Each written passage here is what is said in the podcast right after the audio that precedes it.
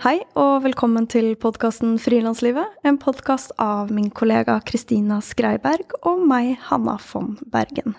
Vårt mål med denne podkasten er å være en faglig og inspirerende kanal for alle dere som jobber for dere selv i medie-, kunst- og kulturbransjen.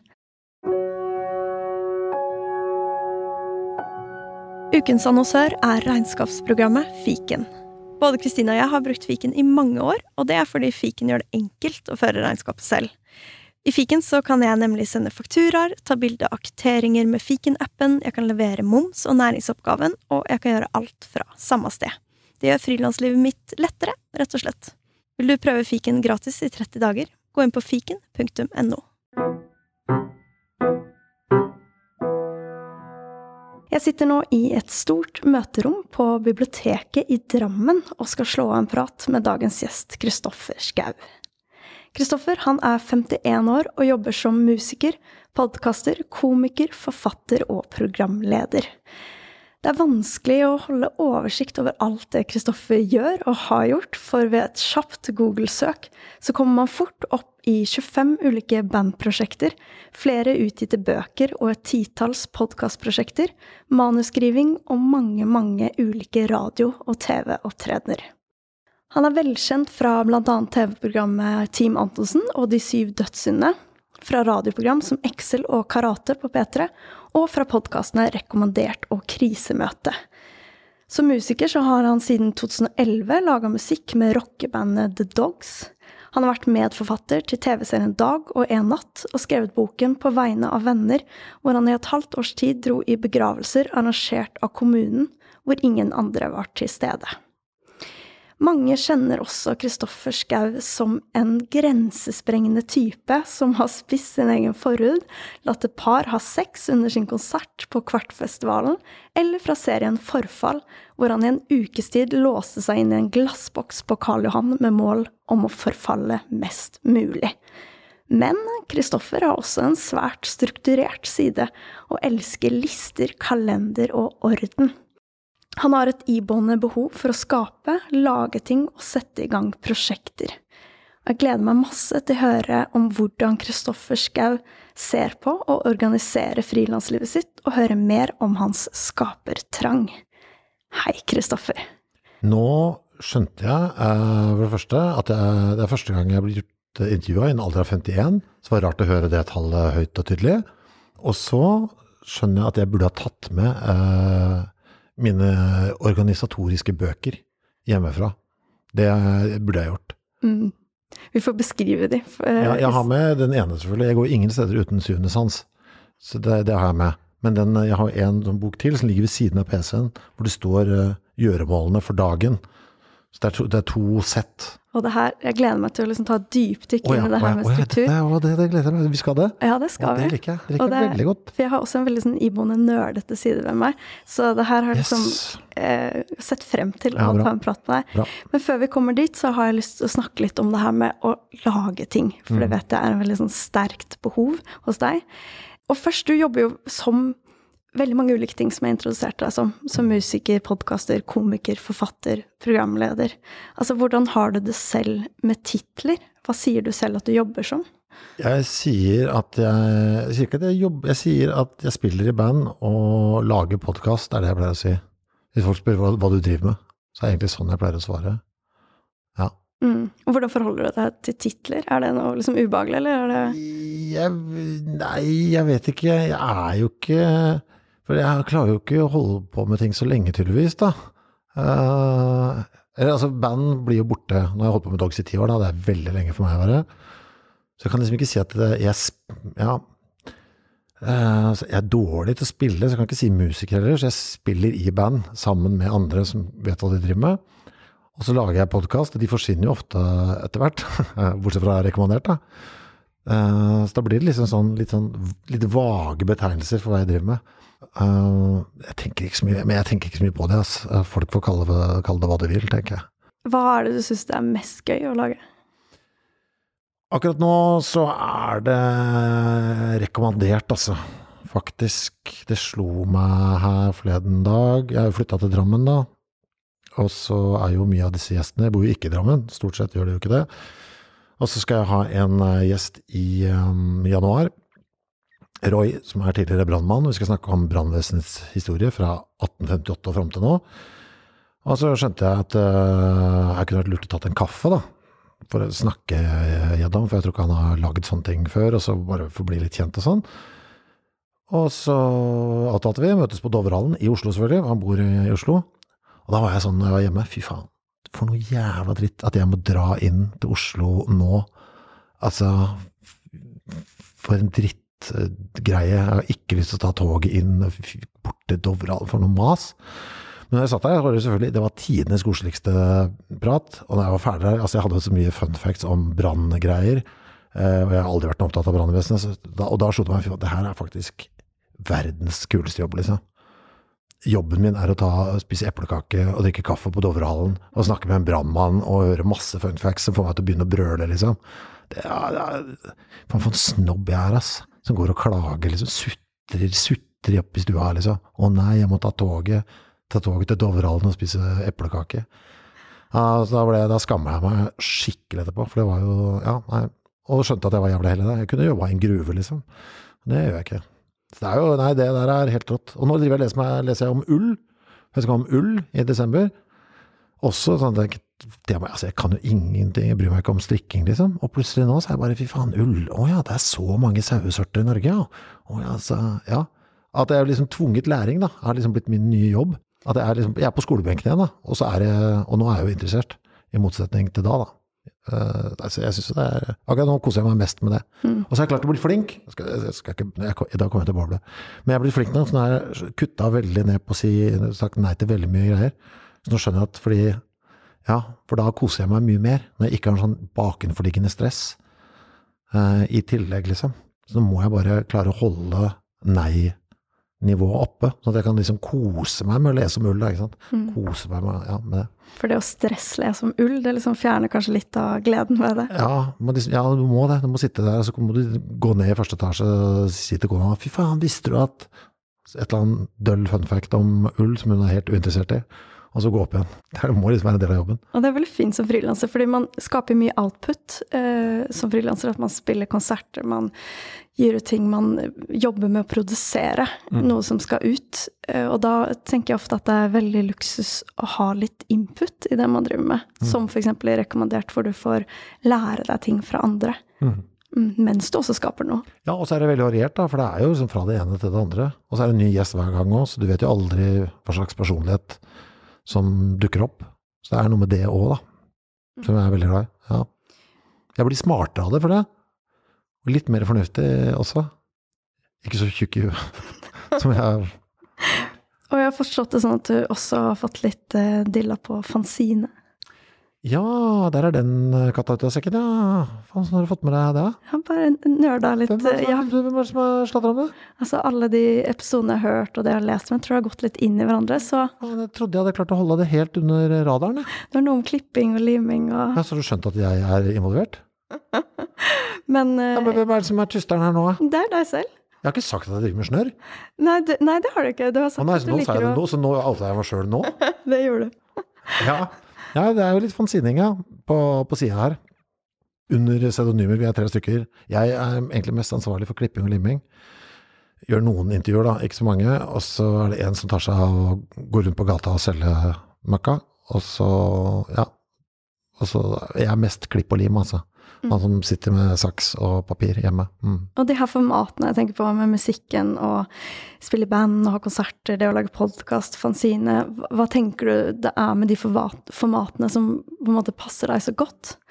Det er forskjellig fra hver ting, egentlig. Um, fanzine er jo Det er fordi jeg syns Det slo meg i altfor voksen alder at jeg liker jo å klippe og lime. Jeg har alltid syntes det har vært gøy. Eh, Fra jeg var liten, liksom. Klippe og lime og sette ting sammen og sånn. Og så var det plutselig noen som snakka om å dra i gang en sine. Og så bare Yes, da vil jeg være med. Jeg vil være han som klipper og limer. Og holde på med det. Og det fikk jeg lov til, for det var det ingen som hadde lyst til. Det var fordi jeg syntes det var avslappende, liksom. Sitte og høre på musikk og klippe med en saks og altfor sterkt leselyst og sånn. Holde på med det. Musikk er jo noe helt eh, Det er jo litt sånn todelt, da. For det er jo både det å spille live og det å lage låter, som egentlig er to helt forskjellige ting. Og da er jo det å lage låtene, syns jeg er veldig Det er bare veldig avslappende, egentlig. Sånn å lage musikk. Jeg skjønner liksom ikke noe av det. Uh, jeg skjønner ikke åssen det skjer. At man liksom kan ta fram gitaren, og så plutselig så er det blitt et eller annet. Som er, ja, så det er veldig sånn beroligende på et eller annet vis. Og så blir det jo mas, da, i det øyeblikket du skal spille inn, selvfølgelig. Men det er veldig fint det òg, for da får du bevart det. Da blir det liksom ikke borte. Så det må liksom spilles inn òg. Men det er, ikke noe, er ikke noe gøy, da, å være i studio, syns jeg. Aldri likt. Og så er det det å spille live. Det er sånn kult på en annen måte igjen. Nå har jeg også lært det litt. Hvis jeg igjen har blanke ark når du skal ut på tur, sånn at du ikke vet at det egentlig er noe jobb som driver og brenner i bakgrunnen. Det er, liksom det, det er så veldig strukturert. Da. Du skal liksom bare kjøre i bil sammen med kompiser til dit. Og skal du prestere i 70 minutter. Og det er også bare sånn gøy, veldig fysisk uh, greie, fall for meg. da. Også sånn veldig tømmende. Du, ikke, du, klarer ikke å tenke på noe annet da, mens du spiller live.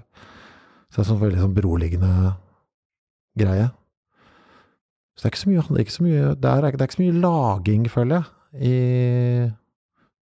Jeg føler ikke at det er så mye skaping i den musikkdelen. For min del. Bortsett fra det å lage låta, da. Så jo, det er jo Ja. Det er kanskje litt sånn kort vei fra idé til, til at det manifesterer seg i noe? Ja, altså jo, det er en arbeidsdel fra jeg har lagd en låt, til, liksom, eller til jeg har lagd noen greier, til jeg må få en tekst som funker på plass, og så strukturere det og øve det inn med band og sånn. Og det er jo litt mer sånn jobbpreget. Kosen er liksom først, å lage liksom en melodi og sånn, som er veldig kos. Og så er det den litt sånn kjedelige lage låta fiks ferdig og spille det inn og det er forbanna demokratiet hvor alle skal mene og, og få høy nok sitteinstrument og kranglinga der. Og så er det kosen igjen belønninga, da, som er ute og spille. For å reise rundt i Norge og, og sånn. Så der ligger belønninga der, da. Men det er også Ja, det er ikke noe inntekt, det heller, da. Så det er jo sånn fordi man syns det er gøy. Jeg liker jo hele det bandopplegget, liksom. Mm, det sosiale og liksom Ja, hele Ja, hele greia er så koselig. Så møter jo Får du hilst på de folk i Haugesund som du ikke har sett på lenge. Der er du, og Og så er man til enhver tid liksom oppdatert på hvordan det ser ut i Norge. Og så, så er det liksom. Å ja, sånn, og her kom ny rundkjøring i Steinkjer, ja. Ja vel, ja vel. For det er de samme stedene. Ja, Det ja, er rart. ja, ja, ja, ja. Aldri noe nytt. Tradisjon. Ja. Deilig. Og kanskje litt sånn stort spørsmål, men du jobber jo ganske bredt med ulike ting. Alt fra å gi ut en bok til å lage manus til podkaster, og Mm. som jeg har nevnt. Em, er det noen sånn rød tråd i hvor du får ideene dine fra? Eh, nei, men grunnen til at det er så spredt, er jo fordi at det er liksom Det er et par ting som bare passer i et medium. Så den eh, begravelsesboka, for eksempel, da, som du nevnte i introen der, så hadde jeg jo ideen til Eller jeg hadde lyst til å lage noe på det. Og da hadde jeg jo Inspirasjonen der kom bare fra en eh, artikkel i Aftenposten eh, om disse begravelsene, hvor ingen kom. Og det var egentlig det bildet av den grava i en sånn tom kirke som var sånn Oi, shit, det her var, eh, her så ikke Eller var så fælt, da, på en eller annen måte. Og da var det ikke noe annet forum å lage det i enn i bok, for det var ikke noe vits å lage noe pod eller radioprogram av det, for det er jo ikke noe lyd, holdt jeg på å si. Det er, ikke noe, det er bare presten som snakker. TV ville være for invaderende på en eller annen måte, i tilfelle det plutselig var si to da, slektninger eller sånt, du kan ikke bare buse inn der med et kamera. Så da var det egentlig bare bok igjen. Det var den eneste måten å formidle det på. Så da kom jo liksom mediet som en følge av, av hva ideen var, da, eller hva opp, oppdraget var, da, på et eller annet vis. Um, nei, så jeg vet ikke helt hva Altså, det er i hvert fall sånn mediene kommer ut, da, og det samme, den fanzina. Jeg hadde bare lyst Jeg liker å klippe, liksom. Musikk, det er bare fordi jeg kjenner at jeg, ja, jeg har det Jeg blir roligere hvis jeg får spilt litt gitar hjemme. Men det er, ja, så, så ideene til forskjellige ting kommer av forskjellige ting. Det var egentlig det du lurte på. På melodi så kommer det ingenting fra noe sted. Fordi jeg kan ikke Jeg kan ikke Eller altså, det er ubevisst, da, i så fall. Jeg hører ikke noe og tenker sånn, for jeg kan ikke Jeg vet ikke hva grepene heter på gitaren. og Mm, så du har ikke lært deg noter og akkorder? Nei, fra den nei, biten? så jeg kan ikke noe kan, Mer intuitivt. jeg må bare putte fingrene der hvor jeg syns det høres fint ut, og så lage noe der. Men på tekst så kommer det jo fra ting og tang. Det gjør du jo hele tiden. Så da passer jeg jo på, hvis jeg ser en setning som jeg syns er kul, eksempel, så skriver jeg den ned. ganske mye, mye tilfeldigheter òg. Av og til så synger man jo med på låter man liker. Og så har jeg liksom i ettertid skjønt ja, men faen, jeg synger jo feil. Altså, og blant annet et band som heter Terror, som jeg hørte en del på en periode. Det er jævlig growlete. Og så skulle jeg bare liksom, var et par ting jeg ikke helt skjønte hva de sang. Skal jeg sjekke teksten, så bare oi, ja, men det jeg trodde jeg kunne, kan jeg heller ikke. Så jeg har sunget feil, da. Og det bare, ja, hva er det jeg sang da? Så tenkte jeg, nei, faktisk, det jeg sang syns jeg egentlig var kulere. Da er jo den ledig. Da kan jeg bare ta den.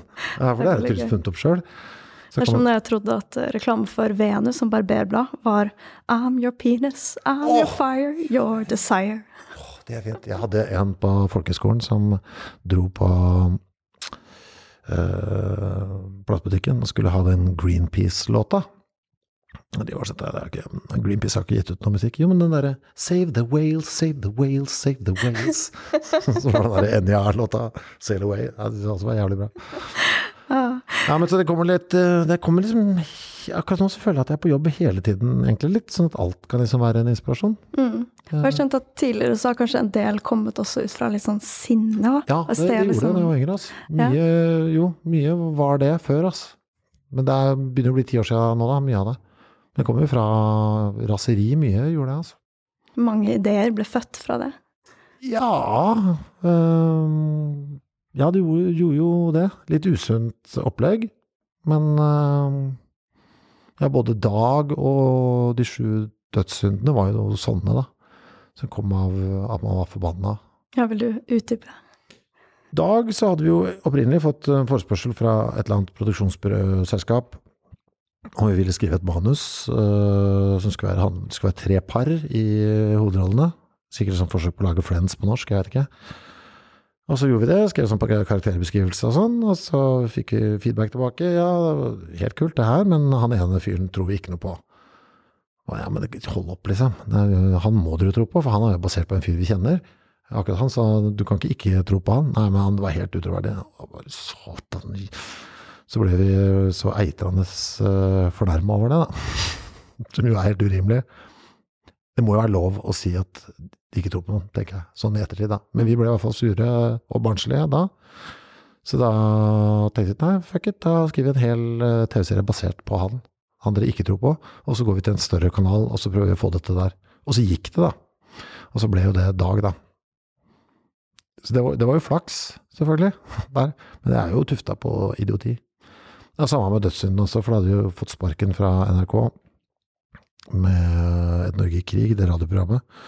Og da var vi også sånn furtne, eh, Øystein, Morten og jeg, så da tenkte vi ok, da må vi lage et TV-program som eh, burde ha vært på NRK, som er så bråkete at det tar all fokus, og som kommer til å irritere daværende kringkastingssjef grenseløst, han som satt var kringkastingssjef på NRK på det tidspunktet.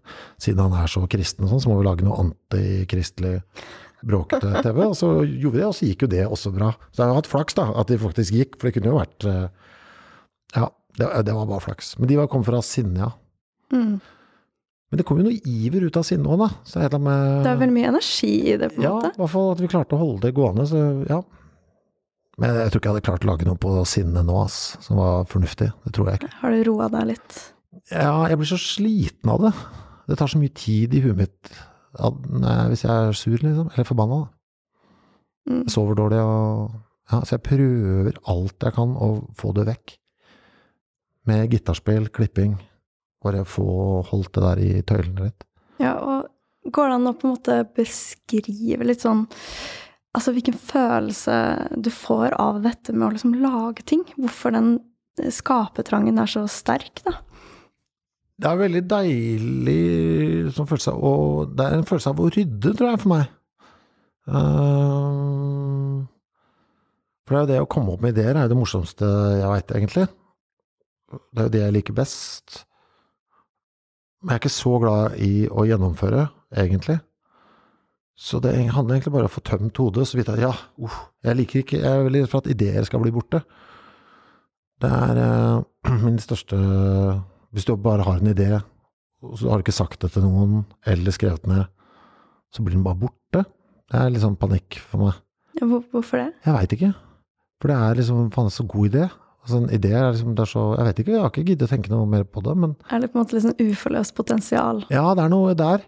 Oi, for en god idé. Se, etterpå, jeg har en avtale, skal jeg snakke med NRK nå, klokka fire når jeg er ferdig her. Så, for da skal jeg Da har jeg to ideer til sånn pod som jeg syns de bør lage, da. Men jeg, jeg har ikke lyst til å lage det, jeg har ikke tid. Men jeg syns det er så gode ideer. Ja, Så du gir ideene dine videre? Non stop! Ja, men det gjør jeg hele tida. Det gjør jeg hele tida. Jeg ringer til folk og sier du, ja, ja, jeg har noe greier. TV 2 er nede og filmer noe greier nå. Eh, Nede på eh, Kan man si det? Kanskje jeg ikke kan si det. Ja, de driver filmer og greier i Halden i hvert fall. Uh, som jeg også var sånn Hadde det som Fy faen, det her vil jeg se på TV. Men jeg, jeg kan ikke- snakke om at jeg orker å ta det sjøl, så jeg ringte etter. du kan ikke Dette her burde dere lage TV av. Altså, da er det veldig deilig, for der borte kan du bare legge på røret, og så er, da er jeg jo allerede ferdig, ikke sant? Jeg føler nesten at du burde fått litt betalt for å være en slags sånn idémann. Jo, men penger er farlig, vet du. For da, da er du bundet på et eller annet vis.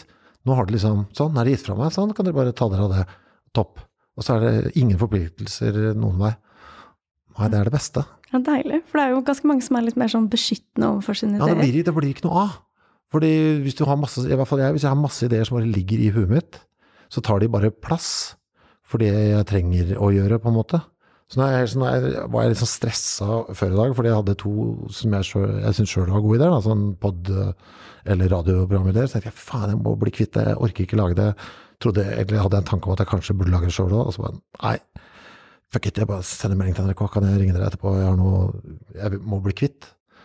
Og da frigjør det masse da er, Nå har jeg gitt fra meg det, og hvis ikke de vil eller kan, da, det fall, da prøvde jeg i hvert fall. Det, går i, det er egentlig noe som går igjen veldig hos meg, merker jeg. Så lenge jeg har prøvd, så er det greit.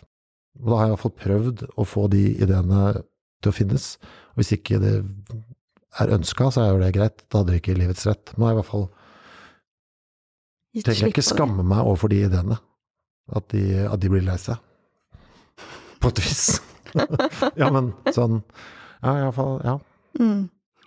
Har du ikke sånn sjøl, da? At du har- At du har masse greier? At det, jeg syns alt, alt det du ikke fikk gjort, er så jævla slitsomt. Ja, jeg har jo prøvd å gjøre litt for mye, og min strategi har vært å gjøre det sammen med ulike. Sånn at hvert eneste prosjekt har jeg med ulike folk, sånn at jeg på en måte kan være involvert i ganske mye. Men blir ikke sliten av det? å Være involvert i mange forskjellige ting? Ja, blir jo litt sliten av det òg. Ja. Men det er jo også veldig gøy. ja, men da må du ikke liksom holde i mange ting på en gang. Jeg blir, kan bli litt sånn Men det kanskje kommer med alderen. Jeg syns det er slit, mer og mer slitsomt. Ja, men du har jo band, og du har ulike podkaster, og du har jo på en måte mange prosjekter, du òg. Ja, ja, jo da. Mm, mye, en del av de er selvdrevne. Så jeg har jo Kvekpels på Radio Nova på onsdager f.eks. Kan jo møte uforberedt, bare ha med musikk. Mm. Til jeg prater som en brutter'n. Og så er jeg en sånn annen pod. Det er liksom han andre som tar ansvar. Han kjemikeren jeg har der. Han som er fagmann. Jeg sitter bare og skriker på sidelinja. Så du stiller opp, at de andre organiserer. Ja, ja, litt sånn. Fordi, ja. Du har jo satt veldig mange nye prosjekter ut i livet, eh, og så har du veldig, eller flere prosjekter som gående, som du nevnte nå, hver onsdag kveld. Sender du radioprogrammet Kvegpels Mm, sammen med din bror Alexander på Radio Nova, og det har du gjort i 30 år, mm, hver onsdag. Og sånn eh, med bandet The Dogs har de gitt ut ny plate på årets første mandag siden 2014. mm. Og med podkasten Rekommandert så har du hatt månedlige livepodkaster siden 2016. Um, altså, hva gir disse sånn langsiktige prosjektene med ganske sånn streng ramme, hva gir de deg? Det som er fordelen med Kvekpels, uh, som er, siden det er hver jævla onsdag eh, Og jeg all, Jobben min, har jo, eller der hvor penga har kommet fra i mitt liv, har jeg stort sett vært radio, da. Og da har det vært, eh, har vært noen pauser hvor det ikke har vært uh, jobb opp igjennom. Men da har jeg i hvert fall holdt den radiomuskelen litt sånn varm, da, med å ha kvegpels. Så det er ikke, sånn, det er ikke uvant å prate på, på mikken og få kjeften til å gå, da. Så det har vært en bra sånn vet jeg, bare holde det ved like. Og så er det jo jævla koselig å møte bror sin og Frode en gang i uka og spise middag på smutteren og fatter'n før hver sending og sånn. Så det- man får liksom gjort det blir sosialisering, men samtidig så får du holdt det derre kjeftamanget i gang på et eller annet vis. Og der kommer også masse sånn bonuskos. Vi har band innom hver uke. Sånn nye, faen, jeg får så mye ny musikk. Jeg får jo alle liksom musikkimpulser fra, fra det, da. Mm. Uten å måtte løfte en finger. Ja, ikke sant? Eh, Så det er litt er- med inputen igjen. Ja, ja, ikke sant? Så, ja, selvfølgelig. Der kommer jo masse input, selvfølgelig. Det er sant, det. Det, jeg må komme hit for å skjønne hvor det kommer fra. Nei, men eh, Ja, men det er noe Og så liker jeg jo Jeg liker at uansett hva jeg starter, så tenker jeg at det skal vare evig. Det gjør jeg.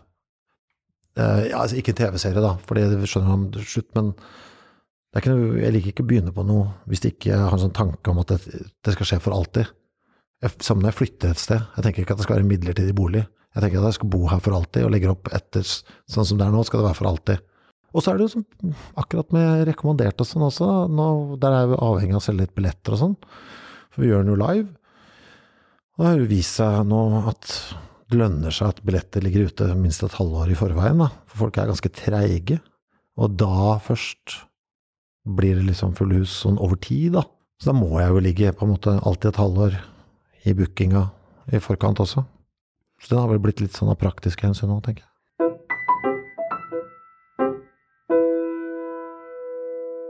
Og hvordan velger du Jeg tenker litt sånn på oppdrag du får, eller prosjekter som andre har, som vil ha deg med på. Mm.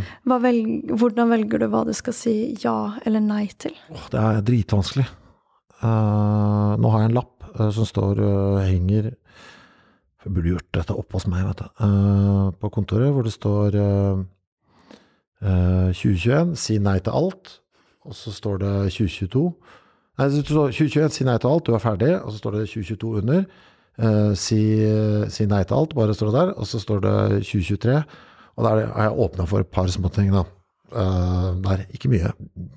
Veldig lite. Men sånn en og en halv ting som er Ja.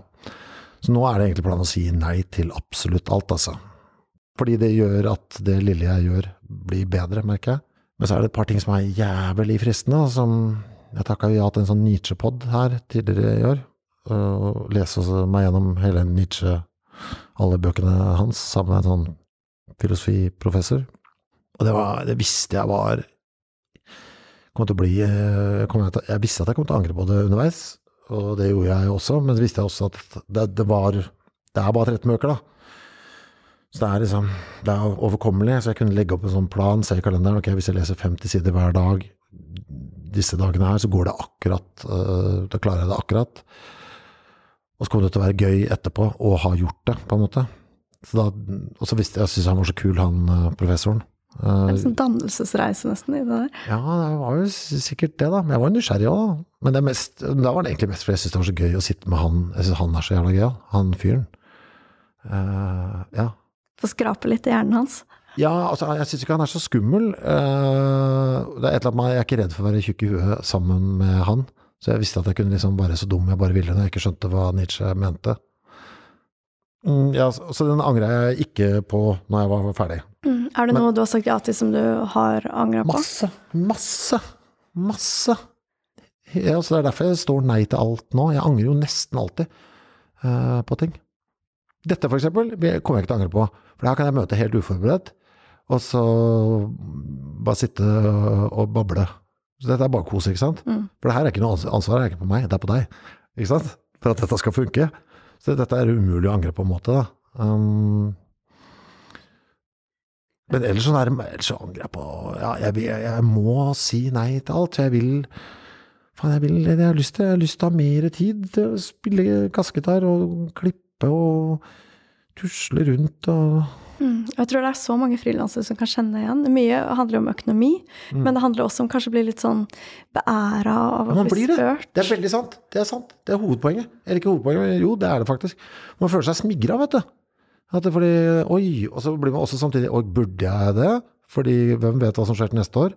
Burde jeg ta Oi, det er 50 000 kroner, altså. Eh, burde jeg Ja, for du har en sånn panikk. Og du vet aldri åssen det blir. Fordi det er jo Vi har jo lagd et liv som er dumt. Og utrygt, da. Og så er det den smigeren også, ikke sant. Å, vil du jobbe med meg? Så koselig. Som jo bare er uh, Ja. Jeg kan også kjenne meg igjen i det at jeg kan si ja en dag som er liksom en bra dag og jeg har litt mye energi. Helt enig. Og så sier jeg jo ja for noe som kommer om veldig lang tid. Og da angrer jeg jo, når den tiden kommer. Det er det verste. Det er akkurat der. De gode dagene, det er de verste. For det er da du sier ja, ikke sant. Å, for en kjempeidé. Dritkult. Klart er det, for da har du masse overskudd. Og så går det to dager, og så har du en dårlig dag, og så er det bare fy faen, hva har jeg gjort? Hva mm. har jeg gjort nå? Ja, jeg har begynt å liksom legge inn en sånn 24 timers eh, sånn buffersone. Ja. Sånn at jeg svarer sånn Å, takk for forespørsel. Jeg skal svare deg innen få dager. Oi, nå er du lur. Sånn at jeg må Sånn at jeg ikke Sånn at jeg lar det der Jeg kan bli litt smingra, og så kan jeg virkelig sånn Vil jeg gjøre det oppdraget da? Da har jeg egentlig tenkt å ha ferie. Er det en lur idé? Eller da gir det liksom Man kjøper seg litt tid til å virkelig være litt sånn kritisk. men når du sier det, har du ikke da egentlig allerede bestemt deg for at du ikke burde, eller sier du selv på ting du har lyst til? ja, alltid. Okay, uansett. faen, det er bra. Det må jeg få inn. Ja, for jeg har veldig lyst til veldig mye. Jeg, hadde, jeg har hatt autosvar på gmailen min av og til, Uh, når jeg er på ferie og sånn, hvor det står, hvor det autosvaret er at eh, hvis det er så, altså bla, bla, bla, jeg er på ferie eller noe sånt, hvis det er angående jobb, så er jeg ikke interessert uansett hva det gjelder. Jeg Så- sier nei. Eh, Ja, sånn uansett. Jeg har også hatt det i perioder. da. Det går sånn. Ja, det går. Man må finne liksom lure strategier. Er det noen som har hørt noen ting som helst om faktura 100374? Venter fortsatt på innbetaling fra 10.03.30, og en hel haug andre som er langt over forfall. Ja, men eh, De pengene de må inn på konto nå! Vi skal jo investere nytt utstyr! Vent litt, og pust med magen. Med Amili, en ny helhetlig løsning fra Visma, får du alt du trenger for raskere betaling og rom for å gjøre de investeringene som trengs. Og det beste av alt, du kan bruke tiden mer verdifullt. Se hvordan på amili.no.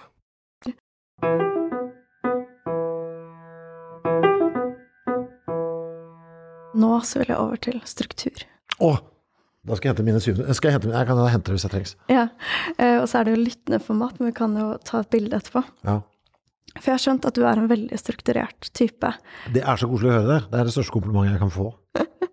Og det her er jo noe som kanskje overrasker en del folk, med tanke på at du er kjent for å gjøre ganske sånn drøye prosjekter og være litt sånn utskeiende. Eh, og det er kanskje noe som står litt sånn i opposisjon til det å være ordentlig og ryddig. Eh, men kan du gi oss et lite innblikk i hva slags type systemer som du har? Herregud, så mange som overhodet mulig. Uh, oh, hvor, skal man, hvor, hvor skal en begynne? Uh, på PC-en selvfølgelig så er det jo god struktur. Ganske rotete desktop. Det er fordi jeg trenger å ha en del ting sånn tilgjengelig der. Så den er litt stygg. Men det er mapper på alt mulig. Eh, Så det er selvfølgelig mapper. Eh, Hvis du går inn på dokumenter, så er det jo selvfølgelig for en egen en for rekommandert der. Det er en egen for eh, På Dogs kan du klikke deg videre inn på der, så ligger låtene for de forskjellige skivene. Settlister fra de forskjellige sånn. Du kan sånn. Altså masse, der er det full sånn etter hva jeg trenger det til. Samme på mail.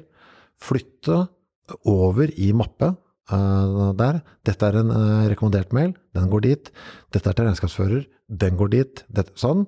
Eh, jeg har også ingen uleste mail uh, der. Altså, de mailene som er uleste, er fordi det er ting som skal gjøres. Jeg legger meg ikke uten at det er null uleste mail. Og aldri Altså, det er ikke mer enn 200 mail i den maillengsen. Det skal det ikke være, liksom. Så jeg sletter eh, hardt. Mail slettes hardt. Det er altså sånn for å få ro. Det var litt sånn. Det var PC-en. Så, eh, på torsdager Jeg har jo da, ikke sant? Jeg har jo da to syvende sanser akkurat nå, da. En for eh, Og vil du beskrive hva syvende sans er? ja, ja, ja. Det er en sånn liten bok. Skal vi se. Jeg skal gå hente den nå. Oi, nå blir det litt bråk her. Det er jo Hører du meg? Nå er det to små bøker som kommer fram. Litt sånn lommestørrelse. Du må passe i lomma, fordi eh, dette er da bøker du skal ha med deg til enhver tid, uansett hvor du går. Så de må være så små. Det er de minste du får kjøpt på eh, bokhandelen. Det er sånn Daily Planner-aktig, bare at det heter Syvende sans, da. Bitte liten. Uh, så det må alltid være i jakkelomma, ikke sant. Så hvis noen spør kan du være med på bla, bla, bla, bla, bla, så kan jeg slå opp her og si nei, det kan jeg ikke. det er kalenderen. For det, ja, det er kalenderen. Så her skriver er stort sett hvor jeg skal være, ikke sant. Rekommendert ull, ser du her. Nå er det ganske fint i desember. Oi, her er det litt greier i sånn. Her er en rekommendert der. Her skal jeg spille Bodø, her skal jeg spille Tromsø. Uh, og Kveikpels, da kommer Halcyon Days som gjester. Da må jeg huske å sende mail til de at de skal sende meg sånn. Det er den. Akkurat nå, på den tiden her av året, må jeg ha to. For jeg Ja, må også ha for 2022. skjønner. Det er kjempestress. I uh, september, da er jeg på, hos bokhandleren eh, annenhver dag og spør har 2022 kommet. Har 2022 kommet? Det ene året så hadde jeg Dette hadde kommet dem for øre, så for ett år så fikk jeg det fra Almanakkforlaget eh, i juli. Faen, jeg har aldri vært mer lykkelig i hele mitt liv. Så det er den. Eh, ved siden av PC-en så ligger en sånn annen, litt sånn større. Den liksom vanlige sånn uke, sånn van, ja, A5-size der. Liksom, som alltid er oppslått på den uken jeg er i. Eh, på torsdager så står det alltid 'planlegg uka'. Da planlegger jeg neste uke. Dette skjer på torsdager. Dette må skje på torsdager, for ofte spiller jeg på fredager. Og da kan hende jeg må dra tidlig, så jeg vet, men på torsdager vet jeg at jeg rekker det. Og da går jeg gjennom, da kikker jeg da først i min syvende sans for å se hvor jeg skal være når. Og så er det en liten sånn Post-It-lapp og jeg skriver opp ok, dette må jeg fordele utover dagen, utover dagene, sånn på mest mulig fornuftig måte. Ok, skal vi se da, vet at jeg må ta toget da, så rekker jeg ikke så mye. Ah, torsdag er jeg hjemme hele dagen, da. Hm, da kan jeg flytte litt mer ting inn der. Sånn. Så legger jeg opp et sånt løp som jeg vet kommer til å gå. Så så lenge jeg klarer å gjøre det som står i den derre store som ligger ved siden av PC-en hver dag, så vet jeg at jeg er trygg. Dette er liksom huff. Så når jeg står opp om morgenen, så er det liksom få gjort unna det først, og så er det kos. Da kan man gjøre koseting, da. Mm, Så det er en slags sånn to do-liste Det er to-do-liste, men det står også faktisk eh, klipp og lim og gitar står også eh, alltid der, da. Sånn at jeg liksom husker å sette av tid til det, for det hender at jeg glemmer det. Og gjør det jeg liker også. Og så er det et par ting Jeg bare Ja, det er ikke ferdig. Kjør på. Det er ikke ferdig. Et par av de er også merket ut med gult overstrykningspenn. Det skjer i samme prosedyre på torsdager. Etter at jeg har gjort det, så merker jeg med gult. Det som jeg vet kommer til å måtte føres over til uka etter. Som er sånn recurring greie. Dette, de, dette kommer alltid til å trengs å gjøres. For da går det litt fortere å skrive to do-lista neste uke også.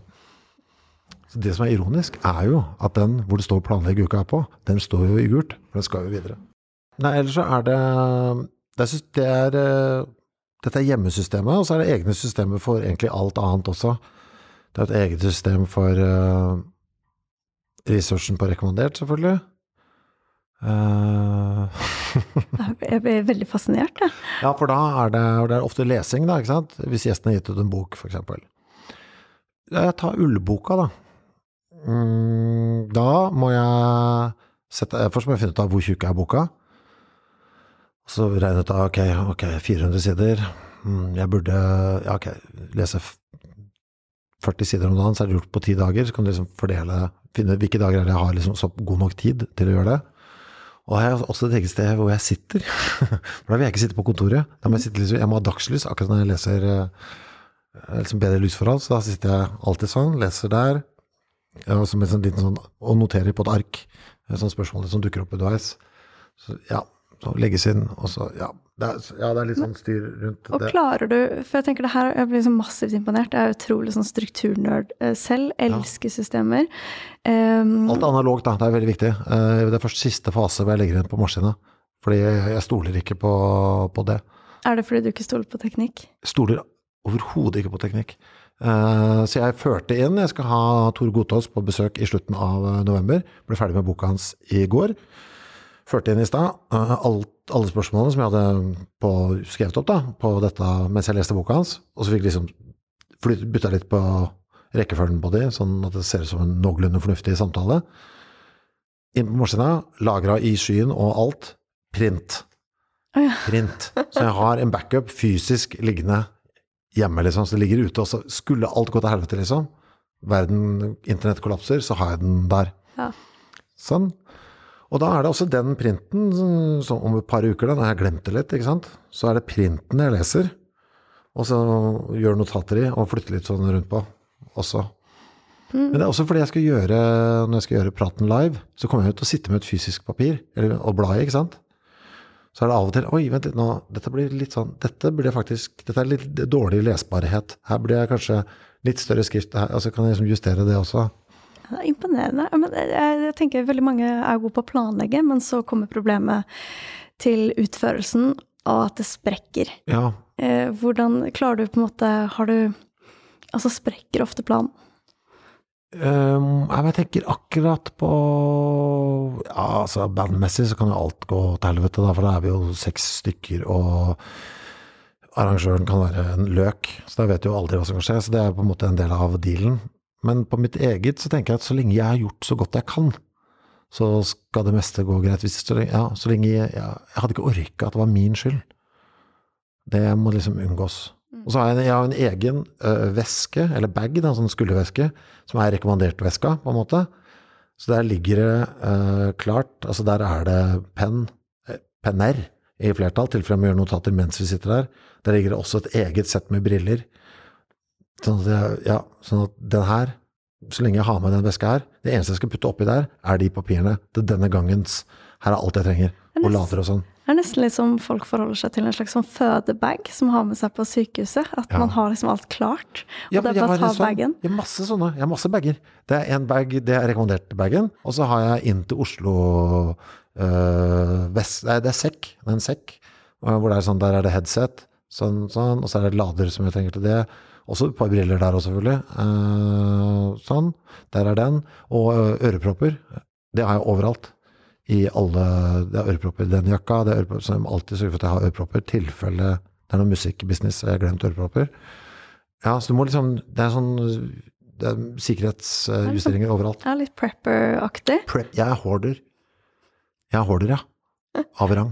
Altså å samle ting også. Ja, men eksempel de øreproppene mine, da, som jeg har nå endelig funnet uh, noen som er store nok for meg.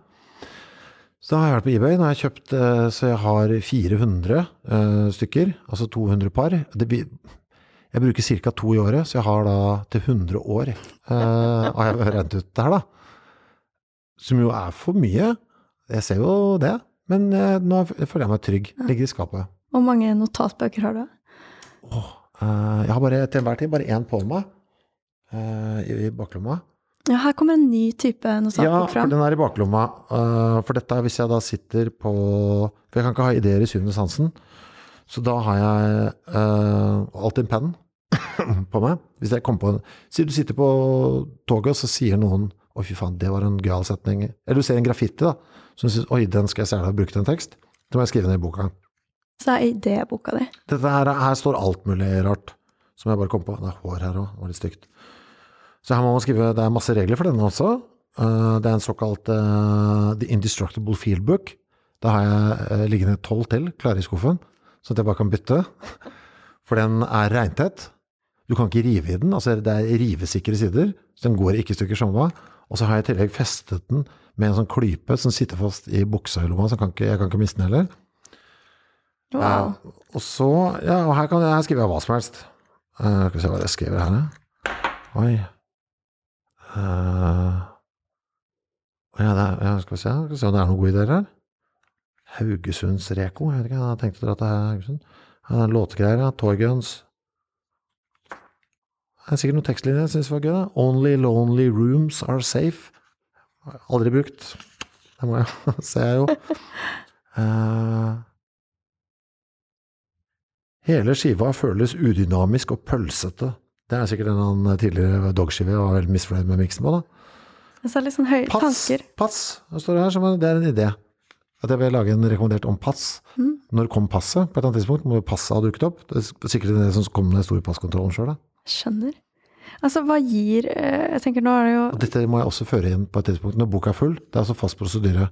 Da går jeg gjennom den, og så fører jeg den inn eh, på maskina. Så det er lagra. Altså ha alt både fysisk og Eller analogt og digitalt. Ja. Mm. Og jeg kaster heller aldri de, de der, de der syvende sansene. Så det ligger en sånn stabel helt fra eh, starten av 90-tallet hjemme.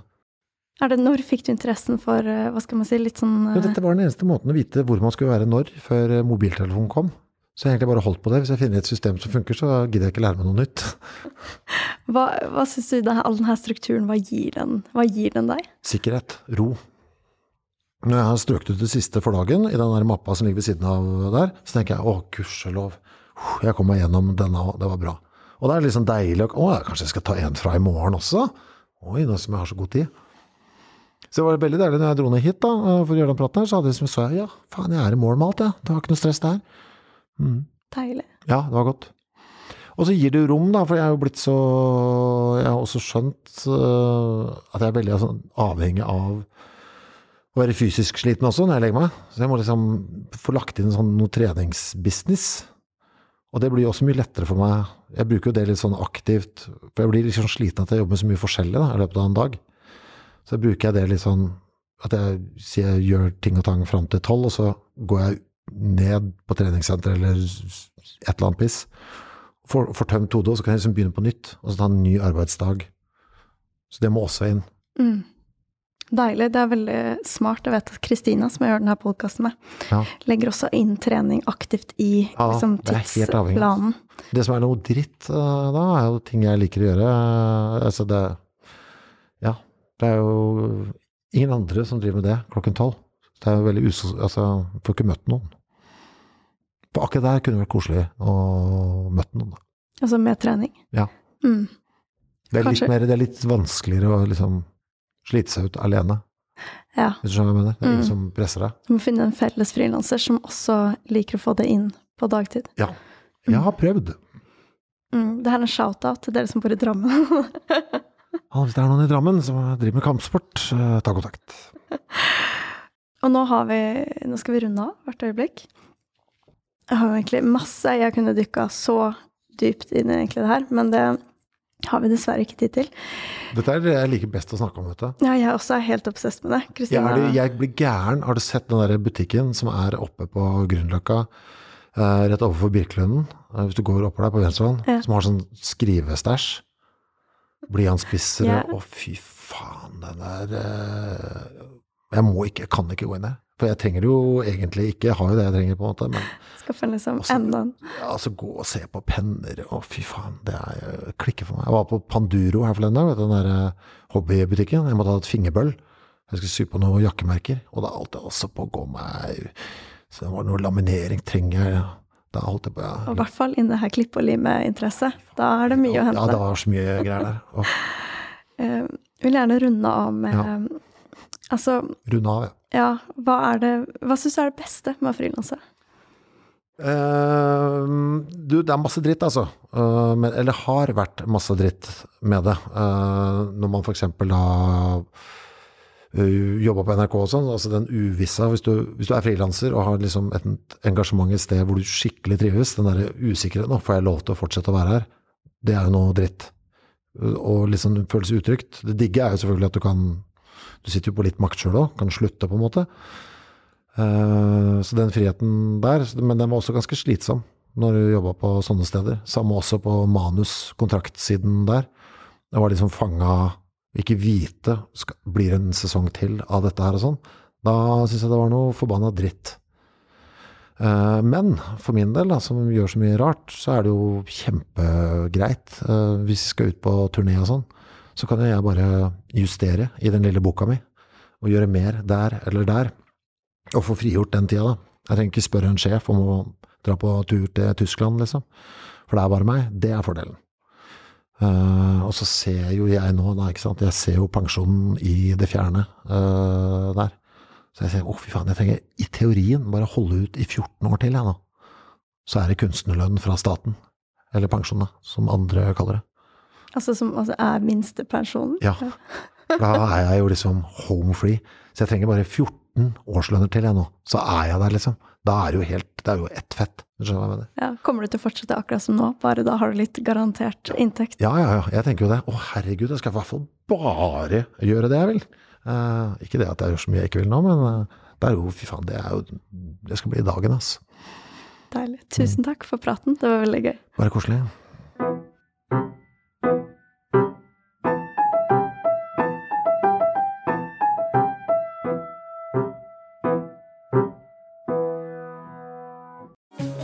Lønner det seg å hamstre påskekosen hos Ark. Ark inviterer nemlig til påskefest med skremmende bra nyheter, pocket fra 99 og 40% på alle spill og puslespill. Ark-påske betyr rett og slett mye påske for pengene. Så fyll opp med påskens favoritter i nærmeste Ark-butikk eller på ark.no.